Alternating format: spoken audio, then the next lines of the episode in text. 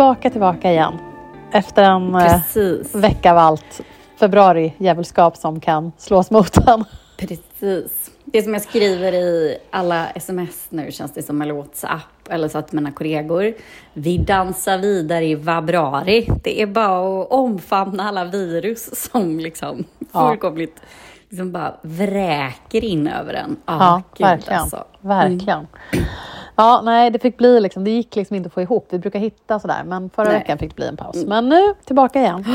På igen. Nu är vi tillbaka, Mm. precis. Yes, på det igen ja. Exakt. Mm. Och vi har lite grejer. Förra veckan skulle vi ha pratat om Grammis bland annat. Det var ju ändå en ganska härlig Grammisgala kände jag. Ja, Uh, men mycket vi la upp lite klipp av saker vi gillade och lite Mm. roliga outfits och sådär. Men det känns som att, nej men, uh, jag vet inte om det är så mycket mer att säga om den. nej, nej. Vi, vi går vidare. Ehm, Men du, den här veckan så såg vi ju det här eh, Vogue-omslaget Ja, som... herregud. Ja, Legends Only, 40 Iconic Women. Det var alltså 40, 40 verkligen så ikoner som var på brittiska Vogues eh, marsomslag. Och det är alltså Edward Enninful, han som har varit chefredaktör där. Det var hans sista. Och det här var liksom, Han gör det igen. ja han gör det igen. Han har ju varit riktigt ikonisk med sina, med sina omslag. Och det här är ju 40 stycken som har varit på, på omslagen och som han då samlade. Och det som var otroligt var ju att man direkt, både du och jag tänkte, det första tanken man tänkte Ja. var ju så här, ja, precis, exakt. det är ju inte, alla var ju inte där samtidigt och sen ser man liksom Nej. filmerna och klippen på, jo alla var där samtidigt. Och det är då så här projektledarångesten sätter in. och man känner att så här, hur i he har alla plåtat samtidigt? Ehm, de här liksom, de schemana, jag menar det här är liksom, det är Oprah, det är liksom Serena Williams, det är Cara Delevingne, alltså du vet, det är Dua Lipa. Det är hela gänget. Och, det är helt otroligt. ja, men de hade ju så mycket, lyckats. jag har så mycket frågor till den som har arrat detta Ja. lilla event. Ja, ja. Alltså det är ju, alltså, det, alltså få ihop alla dessa kvinnor, eller så är det ju bara, ringer han, så alla bara så här, lite som om en vinter ringer, så lite alla bara, jag, töm min kalender, jag kommer. Liksom. Ja, men det, var liksom, det verkar ju som att det var lite så att alla var så här, ja men okej, Edward, att han har varit så viktig för många, kanske, mångas karriärer ehm, och de lyckades ju på något sätt. Så här, det var en dag i New York i december tydligen som han lyckades få dit alla. Ah, Och det är ju... coolt. Ja, nej men det är otroligt. Faktiskt. Men... ehm, Det omslaget känner man nästan man skulle ha. Jag har ju vissa omslag som jag har sparat. Jag har ju en del tidningar som jag har sparat för omslag jag gillar. Den känner man ju nästan att man skulle vilja Ja, lägga ja. tassarna på, eller Ja, vantarna på, ja. för att ha liksom. För det, just för att det inte är photoshopat, bara det gör ju magin i den bilden. ja, nej verkligen. Eftersom allt är liksom retuscherat och photoshopat och ditklippt och så här. Jag läste några små detaljer som jag tyckte var så härliga som var att ja, men, eh, både Kaja Gerber och Cindy Crawford som ju är dotter och mamma, de hade ju kommit tillsammans såklart. Eh, och att Salma Hayek hade bott hos Linda Evangelista kvällen innan. så, Så mysigt! ja, så mysigt. Så de kom ju också tillsammans. Och sen att, eh, så läste jag också att alla hade så här, läste, det var något citat här, "Ev- everyone, everyone made sure things ran smoothly so Gigi Hadid could make it home on time to her toddler. Och bara okej, alltså det är så här. Men ja, nej men absolut. Nej men verkligen som du säger, historiskt omslag. Eh, värt, värt att ha i en samling. Ja, absolut. Nej, Ja. väldigt, väldigt coolt. Men apropå det då, när man, jag hade sett, eh, vi hade liksom skrivit lite grann om det här omslaget på Instagram, du la upp det på våran ins- poddens Insta och sådär. Och då, typ dagen efter, så kollade jag på den här Greatest Night in Pop dokumentären som Ja. finns på Netflix. Och det är ju väldigt mycket på samma tema va? Att liksom samla omöjliga människor vid, ett, vid ett och samma tillfälle. Ja. eh, nej men för den handlar ju då om inspelningen av den här låten We Are The World som ju är en charity single, alltså en låt för välgörenhet som ju spelades in 1985 av supergruppen USA for Africa.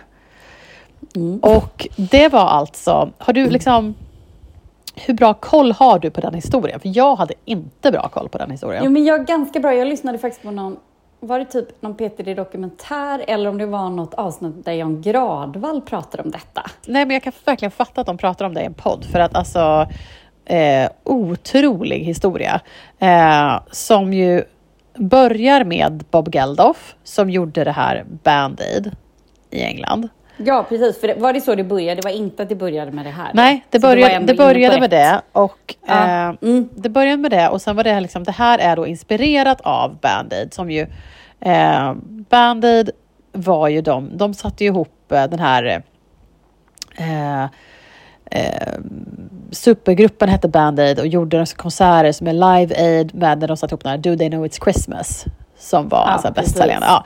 Och sen då Ja. kommer den här, den här ehm, in, inspirerad av det så. Eh, i, det här är då 1985. Det är den största liksom, katastrofen, eller liksom en av de största katastroferna då i världen är liksom svältkatastrofen i Afrika. Är det Biafra? Nej. Eh, ja, det, är- ja, det är det säkert. Men det är liksom, det är, ja, de nämner inte, men de pratar om Afrika och så här, svältkatastrofen där och hur då eh, de vill göra någon eh, välgörenhetsinsats och de vill visa hur musik kan göra skillnad. Och eh, sen är det också en aspekt där det är så här att, men, att eh, de vill, alltså så här, de, ett, ett antal svarta artister som är så här, vi vill, vi vill mycket så här, de nämner någonting om att så här, white people hel- helping Africa, we should help Africa. Alltså så här, ja. Ehm, nej men så då är ju alltså den här låten skriven av Michael Jackson och Lionel Richie. Och Lionel Richie är en av personerna som så pratar mest i den här dokumentären. Alltså när han beskriver när han är hemma hos Michael Jackson och de ska skriva den här låten. Alltså det är helt fantastiskt. Han är bara så här. Eh, först tror jag Michael så här.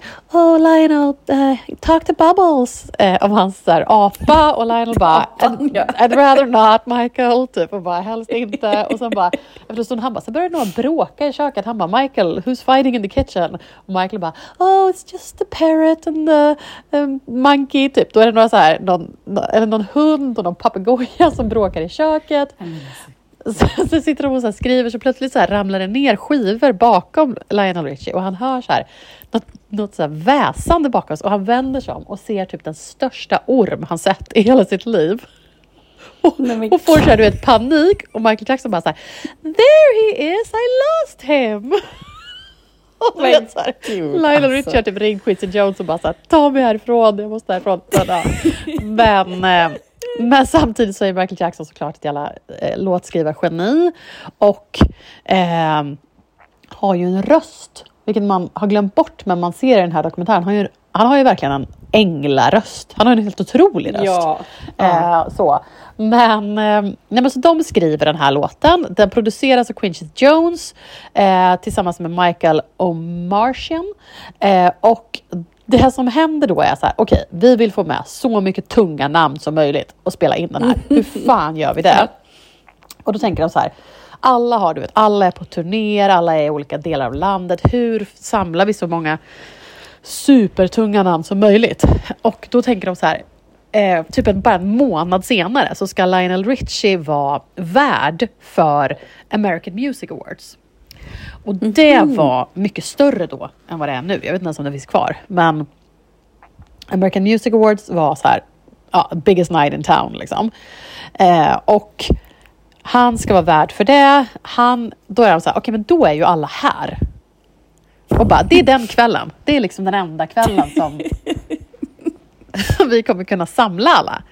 Så de hör, börjar höra av sig och det, det är ju liksom så här, det blir ju också så att när du har så pass high level personer som Michael Jackson, Quincy Jones, då tackar ju folk ja. Och sen när fler topppersoner börjar tacka ja så tackar fler och fler ja. Och sen börjar de så här, okej men nu har ju liksom eh, eh, Diana Ross tackat ja, okej, ja, men nu så när hon tackar ja, ja men då, nu, och, och just och Stevie Wonder har tackat ja nu, okej men Stevie Wonder tackar, men nu har Kenny Rogers tackat ja och nu har så här, Diane Warwick tackat ja. Och så bara så här, men vi måste få in så här, the white boys också. Och då bara, men nu har så Bruce Springsteen tackat ja om han hinner från sin turné som slutar dagen innan. Nu har så här, gud, vad eh. Cyndi Lauper tackat ja, nu har Bob Dylan tackat ja, nu har Ray Charles tackat ja. Alltså du vet, det är helt absurt. Och så får man då se hur så här, den här galan rullar och du vet, det är, så här, det är kväll, liksom, du vet, det är sen kväll, den här galan rullar. Lionel Richie vinner typ så sex awards på den här kvällen, han är liksom host. Och så bara direkt efter galan, då är det bara så här, in i limos mot studion. Och du vet, det är redan sent liksom. Så åker de till den här studion eh, och där väntar liksom bara så Quincy Jones, typ ett så här, de ska bara, det är några kameramän, men så här, ingen av artisterna får ha med sig sina crews in. Du vet, de får inte ha med sig assistenter, utan de ska bara in dem liksom. Och så sätter Ja, Quincy... men det är den där videon man vet när de står Ja, We are ja, the world. exakt. Och så står alla med någon så här. Exakt, exakt. We are the children. För då har också Quincy Jones tänkt så här, för Lionel Richie han var så här, men vadå vi tar väl in en och en och så sjunger de sin del och så sätter vi ihop det. Och Quincy Jones bara så här, hade bara så här, nej det kommer ta tre veckor. Vi ställer dem i en ring, de får sjunga och titta på varandra. och Lionel Richie bara, oh, okej. Ja. ja, det är också ett sätt. Eh, och så, så Quincy Jones skriver en lapp eh, och sätter upp över liksom, dörrkarmen där man går in. Där står “Check your ego at the door”. Och, eh, så jag tror att det, här, det är väl därifrån det kommer. Eh, och sen så kommer då alla, men du kan bara tänka dig så här, eftersom de inte har med sig några assistenter eller någonting så tvingas de ju att de måste ju de pratar med varandra. Liksom. Så alla de här artisterna, alla de här högsta, högsta stjärnorna står bara i så här, i ett stort rum och bara står och pratar med varandra. Bob Dylan och Diana Ross och bara står och minglar. Liksom. Och så är det liksom bara lite så här, några fotografer och sen är det bara du vet, så här, ljudtech och liksom producent. Och sen Quincy Jones som då håller i alltihop. Liksom. Eh, Och först ska de göra en så kördel som de sjunger in. Och, eh, och det är så roligt, vissa ser så här superbekväma ut och bara älskar att stå där och sjunger och bara We are the world. Och så ser man så här, zoomar de in på så Bob Dylan som står i mitten. Alltså han ser så obekväm ut. Så att det... Och du vet, han kan ju inte sjunga så som de andra kan sjunga. Han är ju Nej, inte en sångare. Så man ser att han står bara så här, Han är typ en poet. Alltså du vet, han liksom. står och så här knappt mimar. Han står bara så här, rör lite på läpp- läpparna liksom. Medan de bredvid bara så här, We are the world. Ja, men... Och det, var så roligt, för sen när de kom till den för sen så då filmar de när alla ska göra sina solos och du vet det blir senare och senare. Det blir varmare och varmare i det här rummet. De blir hungriga, de är trötta. Det är liksom, de är alltså där till typ så här sju på morgonen. De kör hela Det är natten. Det är helt sjukt. Alltså du vet, jag satt och var bara stressad av att nej men nu, nej men gud nu är klockan fyra, nej men nu är klockan fem och nu, först nu ska de spela in Bruce Springsteen solot. Du vet så. Men, eh, men då är det så roligt när de ska spela in just eh, eh, Bob Dylans solodel. Och han står så här och han vet inte liksom, han vet inte hur han ska göra för han, han, han har liksom tappat bort sig själv. Han har tappat bort sin egen röst. Han är så här, han står så bara, ah, okej, ska han sjunga sin del? Han bara, we are, we are the world. Du vet, så här, bara, fan, jag vet inte vad jag ska... Så här.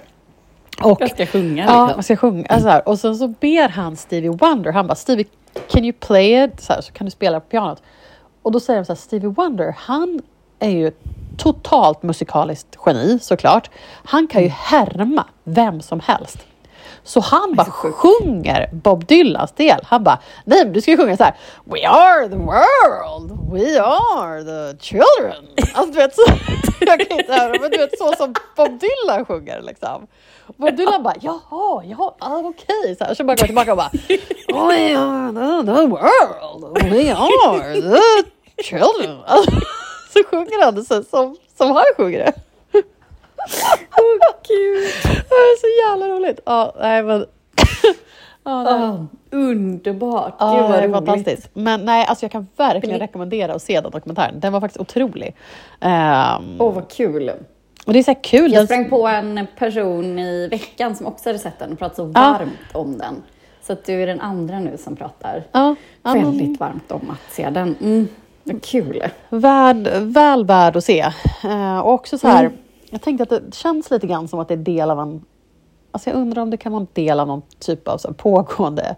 Alltså att det skulle kunna vara någon trend som kommer tillbaka för att ehm, men den här har ju då spelat in mm, hur mycket, många miljoner som helst. Det var ju liksom, och den fortsätter ju spela in pengar för välgörenhet. Liksom. Mm.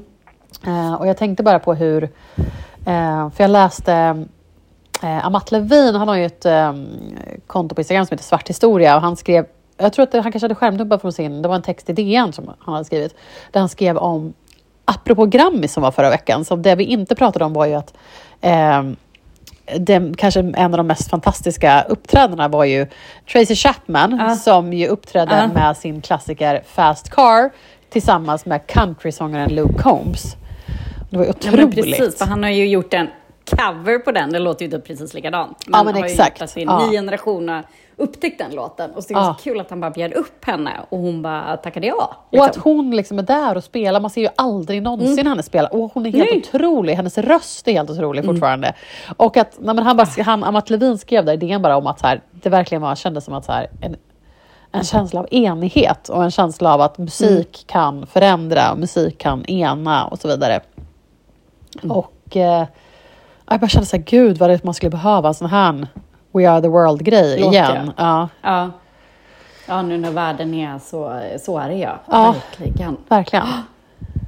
Mm, håller med. Var det, apropå Tracy Chapman och Grammis, eh, bara en avstickare, men Linus Fremin som också varit gäst här, han skrev Ja. att hon har inte ens en publicist. Utan de hade ju fått liksom kontakta henne själv och bara så här, för han är ju, ja men älskar henne och han skrev något så här, gud jag älskar henne ännu mer, hon har inte ens en publicist. Hon bara så här, ja tackar väl jag till det här, det var kul. Ja, Och i Älskar en det. bransch då där liksom alla har en. Ja, liksom. såklart.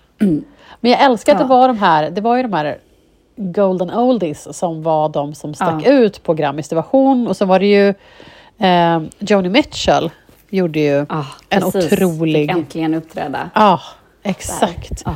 Och så var det ju, eh, vad heter hon som gjorde en hyllning till Sinéad O'Connor? Eh, Ja, nej. men det Eh, var ju... Eh, gud, vad heter hon? Eh, en... Eh, Annie Lennox. Ja, Annie eh, Lennox Annie Lennox. Ja, gud gjorde ja. ju en sån ja. tribute till Sinéad O'Connor också. Eh, Och hade ju, hon hade gjort också något så här, sagt någonting, typ så här, mm, sagt något fredsbudskap, hållit upp en, en knuten Mm. liksom, näve. Och, man, och jag kände så här, alltså, gud vad jag kände att jag saknade den typen av musiker när man såg det. Alltså att man kände att det bara Ja. så jävla, allt så ja. tingeltangel, glittrigt och bara så är det någon som håller upp en Ja. knuten näve och bara, fan, eh, liksom. Här svart. Hade hon inte på sig också någon snygg, bara, snygg svart kostym och stod med sitt korta vita hår? Ja, exakt. Och bara visar Ja, att så här, jag så här- står för någonting. Ah, gud ja. Våga stå för någonting. Ja, Men det Ja. var också lite empowering. Jag menar, hela Grammis var ju bara en kvinnlig, en kvinnlig fest. Det var ju de flesta sant. pristagare, de stora kategorierna var kvinnor för en gångs skull. Och, nej, men det kändes som att det ändå, de här uppträdandena som var starka, det var kvinnor. Så att, nej, Ja. det kändes, det var, jag tycker att det var empowering. Och eh, Miley Cyrus, ja, nu börjar vi prata om Grammis ändå, men hennes otroliga hommage Ja. till Tina Turner tycker jag var underbar. Den här frisyren och den korta klänningen. Liksom. Man har Ja. inte glömt Tina Turner. Hon har gjort så otroligt mycket för så många. Ingen av de här kvinnorna skulle jag ha vågat ha sådär korta kjolar om det inte var för Tina Turner. Ja, man nej, hon henne, var också liksom. med i We Are the. World. Ja, ja, såklart ja. För att sluta cirkeln. Jag får sluta säga bra Ja, där, ja, fint. ja. Ja. Nej, men vad kul, den där måste man ju se. Ja. Det har man Stark ju på lång väg alltså. Ja. Mm. Åh, vad roligt. Ja. Men som sagt, projektledare där, då, Nej. den stackars assistenten till Lionel Richie, alltså, som har fått ringa runt till managementet och bara övertala, whippa in nej. alla de här. Alltså, du vet, och de som fick typ springa och köpa våfflor mitt i natten. Och, alltså, nej, du vet. och det var någon som, så här, jag kommer inte ihåg vad han hette, men någon som typ hela tiden blev lite för full, så de skulle försöka så här. Han glömde bort texten och du vet så här, man bara, alltså gud, Jesus Christ. Men eh, ja, nej, det Hjälp vad roligt. går ändå. Alltså, man kan ju känna ibland så här, så när det går inte att göra, så bara, ja, men det går ändå om du har tillräckligt så här, har du tillräckligt så här hö, högt uppsatta personer till att börja med, med Mm. som liksom drar i det, så går det ju. Ja, exakt. Det är bara någon, någon liksom... Någon där måste ju bara bestämma sig, som Ja, du säger. exakt. Dra. JC skulle ju kunna dra en sån grej. Om han, Ja, absolut. om han bad en massa människor, liksom, så skulle de ju komma. Typ. Ja, men det, det finns ju ett gäng som skulle kunna göra sådana Ja. grejer. Men eh, de är, ju, in- ja, de är inte så många och de är, ja, det är, eh, det skulle ändå krävas ett rejält engagemang och att man ger sig fan på det liksom och får till rätt personer och ja, ja. Ja, verkligen. Du, en annan grej vi eh, spanade på förra veckan lite grann som vi inte pratade om då var ju den här Marc Jacobs-visningen som var så Ja. cool. Mm, de var fin ja. Det var ju hans visning för hösten där alla modellerna gick på, och det såg ut som att de gick, de hade gjort enorma bord. De var Nils Karlsson Pyssling helt enkelt. Alltså förlåt, men jag kunde inte, inte dra den associationen. Nej, nej, men så känns det lite grann. Men det är så här, de, är alltså, de har gjort bord och stolar som alltså är högre än modellerna. De är, modellerna de är så att de Ja. precis liksom som att borden är kanske typ så här, några decimeter över dem. Eh, men så de gick liksom så de ser ut som så här miniatyrdockor typ. Eh, och så har de så här enorma eh, bouffant-hår typ. Eh, och jag vet inte, jag bara tänkte på det här när vi pratade om den Margiela-visningen och att de såg ut som, de var ju sminkade som dockor. Det här är också väldigt mycket docka. Eh, de är miniatyrer. Lite klippdocka. Ja, klippdockor. De hade också så här för stora, så här överdrivet stora skor som de klampar runt i och jätteöverdrivet stora väskor. Och så var det några detaljer som var typ överdrivet små istället, så det kändes väldigt så här surrealistiskt när de gick under de här stolarna, de här enorma håren och så här jätte... Lite så här, eh, jag tror att det också var så inspirerat av Valley of the Dolls. Den, eh, Ja, var det så, det? Ja, Mm. och så den här sminkningen med så här jättesvart, så här lite, ja vad är det för era? 60-tals, eh, lite så här, lite så brittisk 60-tals eh, sminkning. Eh, så här jättesvart så här. Ja, det var ju, kläderna var ju lite så, liksom, var det inte lite så här minikjolar men också sån här eh, Jo. lite skepparkavajs, liksom. Jo. Den här brittiska, som du säger, den här brig, eh, brittiska eran. Och liksom, lite du typ vet, 60-tals. eh, ja exakt, och lite den, vad heter den? Eh, Ja Mm. exakt, strumpbyxor. Ja, och pennkjolar och, eh, och lite så här, Mm. eh, vad heter den? Ah, gud, tappade jag. Vad heter den serien du vet med de här reklambyrån med Ja, Mad Men. Ja, men exakt lite, lite Mad Men. Väldigt så, Mm. men eftersom det också var så office eh, setting liksom. Så mycket så, Mm. at work. Liksom. Eh, ladies at work, sekreterarna på 60-talet. Lite Mm. så, den känslan. Men jag bara fick en känsla, eftersom det här också är dockor, ifall det här är, är det nästa steg från det flickiga? Om vi nu är inne i så här dock, dockvärlden liksom. Är, ja, det känns som att så här, det, om vi har sett det här förut någon gång så känns det som att nästa steg från det här är ju att det blir ännu mer surrealistiskt. Då är man ju inne i så här, du vet, då är vi tillbaka i lite så här emo, goth. Du vet. eh, Så här, Ja, men man drar det liksom, ja. Andra är liksom så här, du vet, de här supersminkade, alltså, du vet, jag, jag tänker tillbaka på de här, så här du vet, poptjejerna som var så här, Broder Daniel-tjejerna Ja, som hade de här indie, Ja. super-indie-tjejerna som hade så här, du vet, de här Mm. håren och supersminkade och som såg så här, Mm. ut som så här små kopior av varandra och Ja, men jag tror att du kan vara, för jag hade ju också en spaning där från, från förra veckan med den här Margiela-visning, för då var det ju är det BBC eller om det är någon, inte BBC, men det är så här britt, något brittisk eh, liksom, musikmagasin Ja. utser varje år vilka som är liksom, ja, de här kommer breaka ah, liksom, ja, okej, ja, eh, nästa år. okej. Eh, och då är det ju ett tjejrockband liksom. Som deras Okej. estetik är ju att de klär sig lite som Margiela-visningen. Alltså typ sådana liksom Ah. kläder och också det som framför allt var signifikant det är ju att musiken kommer vara så här skränigt. Alltså man Ah, är trött okej. på Ja. allt som är så elektroniskt liksom. Och då går väl det hand i hand med indie-tjejer. Det är som min mamma alltid brukar säga, pojkar med dålig hållning. Jag var ju indiepop-tjej när det begav sig. Att killar som står så här böjda vid gitarr och så skränar det ganska mycket. Liksom att det kommer eh, Alltså det kommer komma, det, det kommer man höra mer, det kommer slå mycket liksom i år. Och det är den här tjejgruppen, jag kan, jag kan kolla vad de heter här. Är det The Last Dinner Party? Ja, precis, Ja, exakt. Mm. Ehm, och du ser ju, de ser ut väldigt teatraliskt. Ja, ja, men de det är ju det här så teatrala, eh, liksom. Korsetten, Ja. lite sönderdrivet och så. Också spelar de sina instrument själva. Det är liksom, inte grungeigt men det är rock liksom. Men det känns som, Ja, så här, det så känns det som väl- en eh, ja. Mm. återkomst av den typen av tjej. Av den här indie-rock, eh, men också lite så här emo, ja men tjejen som är, som är ganska så här, Mm. teatral och du vet, ja men Absolut. så. Och det hänger väl ihop, det är väl en motreaktion på allting som, som vi alla går igenom nu. är väl att man vill ha så här, något äkta, man vill känna något, allt är digitalt, allt är AI. Ja, Det vill ja. liksom, då vill man höra så här, allt är perfekt, vi går runt och lyssnar på liksom perfekt musik, proddat. Så folk tycker att varenda konsert är så dåligt ljud för att det inte är så perfekt proddat allting. Ja, ja, Alltså, ja, men det, är ju, det är ju problem att så alla låtar låter perfekt. Ja. Och sen när de spelas live så låter de inte perfekt. Nej. För att det är ju ofta inte perfekt när man alltså, spelar, utan det är ju proddat perfekt liksom, Ja. i absurdum. Ja. Att så, att det är väl, det är väl en, en... Vi alla söker någonting, kanske söker det lite mer så äkta då, som inte är perfekt. Jag vet inte, men det kanske hänger ihop med det. ja, det är det säkert. Mm, mm, mm. Ja, nej, men säkert. Det är spännande att följa ändå. Mm. Det känns som att man ser någon typ av... Ja, men det känns som att det hänger Trend, ihop. ja. Ja. man ser någon trend här som är på väg åt något håll. Ehm, Mm.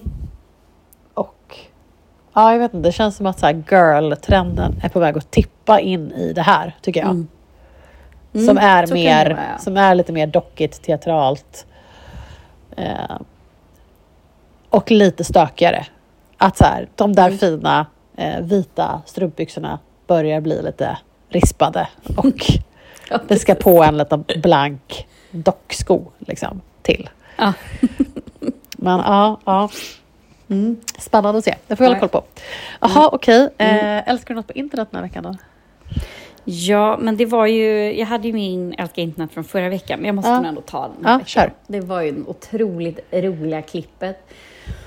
Men det pågått någon så här All-star-serie hockey i Kanada. Aha. Då liksom olika NFL-stjärnor um, eh, kör hockey och då är då Justin Bieber har fått vara med här och varit så coach och Ah, även okej. uppträtt för Ja. dem. Men han får vara coach och då fick han liksom stå nere där där hockeyspelarna sitter när de spelar matchen. Ja. Och så blir han så intervjuad och då har han på sig en enorm röd, liksom om det är en syntetpälsjacka i alla fall, så står han så här, nu uppknäppt, han står så här, och så står journalisten bara, men hur känns det? Han bara, oh I love hockey, this is a big dream for me, så här, det är en dröm, jag får vara tränare, det är så här, jättestort för mig, så kul. Han får åka ner och köra med killarna på isen och så här, jätte så här, it's a dream come true. Så här. Ja. Och så säger journalisten, hon bara, men jag måste bara fråga eh, om din jacka. Um, vad, eh, vad, vad bär, vad, vad, är, vad kommer jackan ifrån? Han bara, oh it's Marnie. det är så Marnie och så bara jag tror det är så första och enda gången som Marnie kommer liksom nämnas på amerikansk hockey liksom, Ja. TV sätt. För det är ett väldigt roligt klipp. Så Ja. här, Marnie. Så här. Helt, helt Och då, naturligt. då bara. journalisten bara, men jag måste bara, jag måste bara fråga, var, var, var kommer jackan ifrån? För den går liksom inte, den är så enorm, den är så totalt odiskret. Ja, en stor ja, röd ja, jacka, ja. päls liksom. Ja. Så jag skrattade väldigt mycket åt det här kli- klippet och eh, undrar vad det kan ge. Kanske en hockeypublik som kan upptäcka Marine här, vem vet? Det, eh, det hoppas man ju faktiskt. Gud vad roligt. Ja. Mm. Ja. Ja, så det älskar jag på internet. Ja. Ja, bra. Karin, vad älskar du? Ja, men jag... Eh, jag hade helt glömt bort vad jag älskade på internet. Men så satt jag och läste, Mm. För att vara analog istället, så att jag läste DN här innan vi började spela in. Och eh, då Mm. i söndagens DN så intervjuas den samiska författaren Elin Anna Labba. Och hon har då skrivit ett liksom, antal eh, storsäljare och hon är intervjuad och hon har bär... Är det hon som har skrivit de här stöld? Nej. Hon har skrivit den här, eh, ska vi se, hon har skrivit, eh, hon är aktuell med den här Far inte till havet. Eh, hon fick Augustpriset 2020 för Herrarna satte oss hit. Som handlar om mm Mhm, tvångsförflyttningarna i Sverige och sådär. Ja. Nej, Mm, Nej, men hon i alla fall. Och då är Mm. hon fotad på eh, Jokkmokks marknad. Eh, och Ja. hon har på sig så här, du vet, klassiska samekläder. Eh, jag kommer säga fel om jag säger, de heter med så här kolt och eh, ja, men en sån. Eh, hon har de liksom skorna, mössa, vantarna, den, eh, liksom, ja, hela kittet. Och eh, Kom är- inte in i något så du säger något. Nej, nu, säger, nu, är jag nu är jag inte van vid vad jag pratar om. Nej, men hon är jätte, hon har på sig Hon har på sig klassiska samekläder och är jättefin i dem. Som Eh, kanske man säger, jag vet inte. Samedräkt kanske. Eller är det en dräkt? Eh, ja, men jag vet inte. Men det, det, det är fascinerande saker som står om det i det här. Eh, hur de så här väldigt ofta jobbar med ett väldigt så här, tyst, alltså att man tyst motstånd. Eh, det känns som så här, Mm. eh, någon så extrem version av så här, passiv aggressivitet. Hon skriver att, man har att så här, motståndet kan vara insytt i kläderna. Det händer att de traditionella mönstren vävs lite fel på något ställe för att markera ilska.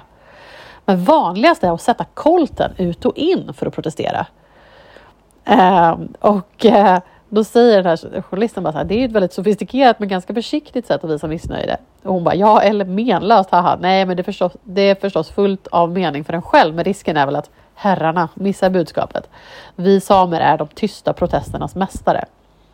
Men då får hon eh, en fråga när hon ska svara på så här, tre, jag vet inte varför hon får den här frågan, men hon får tre modetrender som hon inte vill ha tillbaka.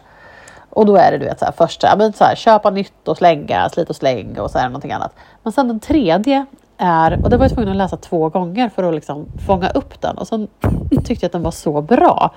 Och då är det så här, att med kläder underkommunicera den man är för att skydda sig mot rasism och skit. Alltså fint. att, ja, jag tycker det var så bra att man så här, att du vet att man klär, att man inte väljer att klä sig i kanske klassiska traditionella kläder. Eh, så, för att man vill skydda sig mot rasism och skit. Gud vad hem. Ja, Det jag var väldigt bra sagt. enormt bra sagt. Ja. Så eh, det fick bli en analog. Älskar internet den här veckan. Och svårt att eh, säga något eh, klokt efter det. Utan vi kanske bara lämnar. lämnar på lämnar. det. Ja, tack. Ja. Tack för den här veckan. Vi ses nästa vecka. Ja. Hej då. Hej. Hej.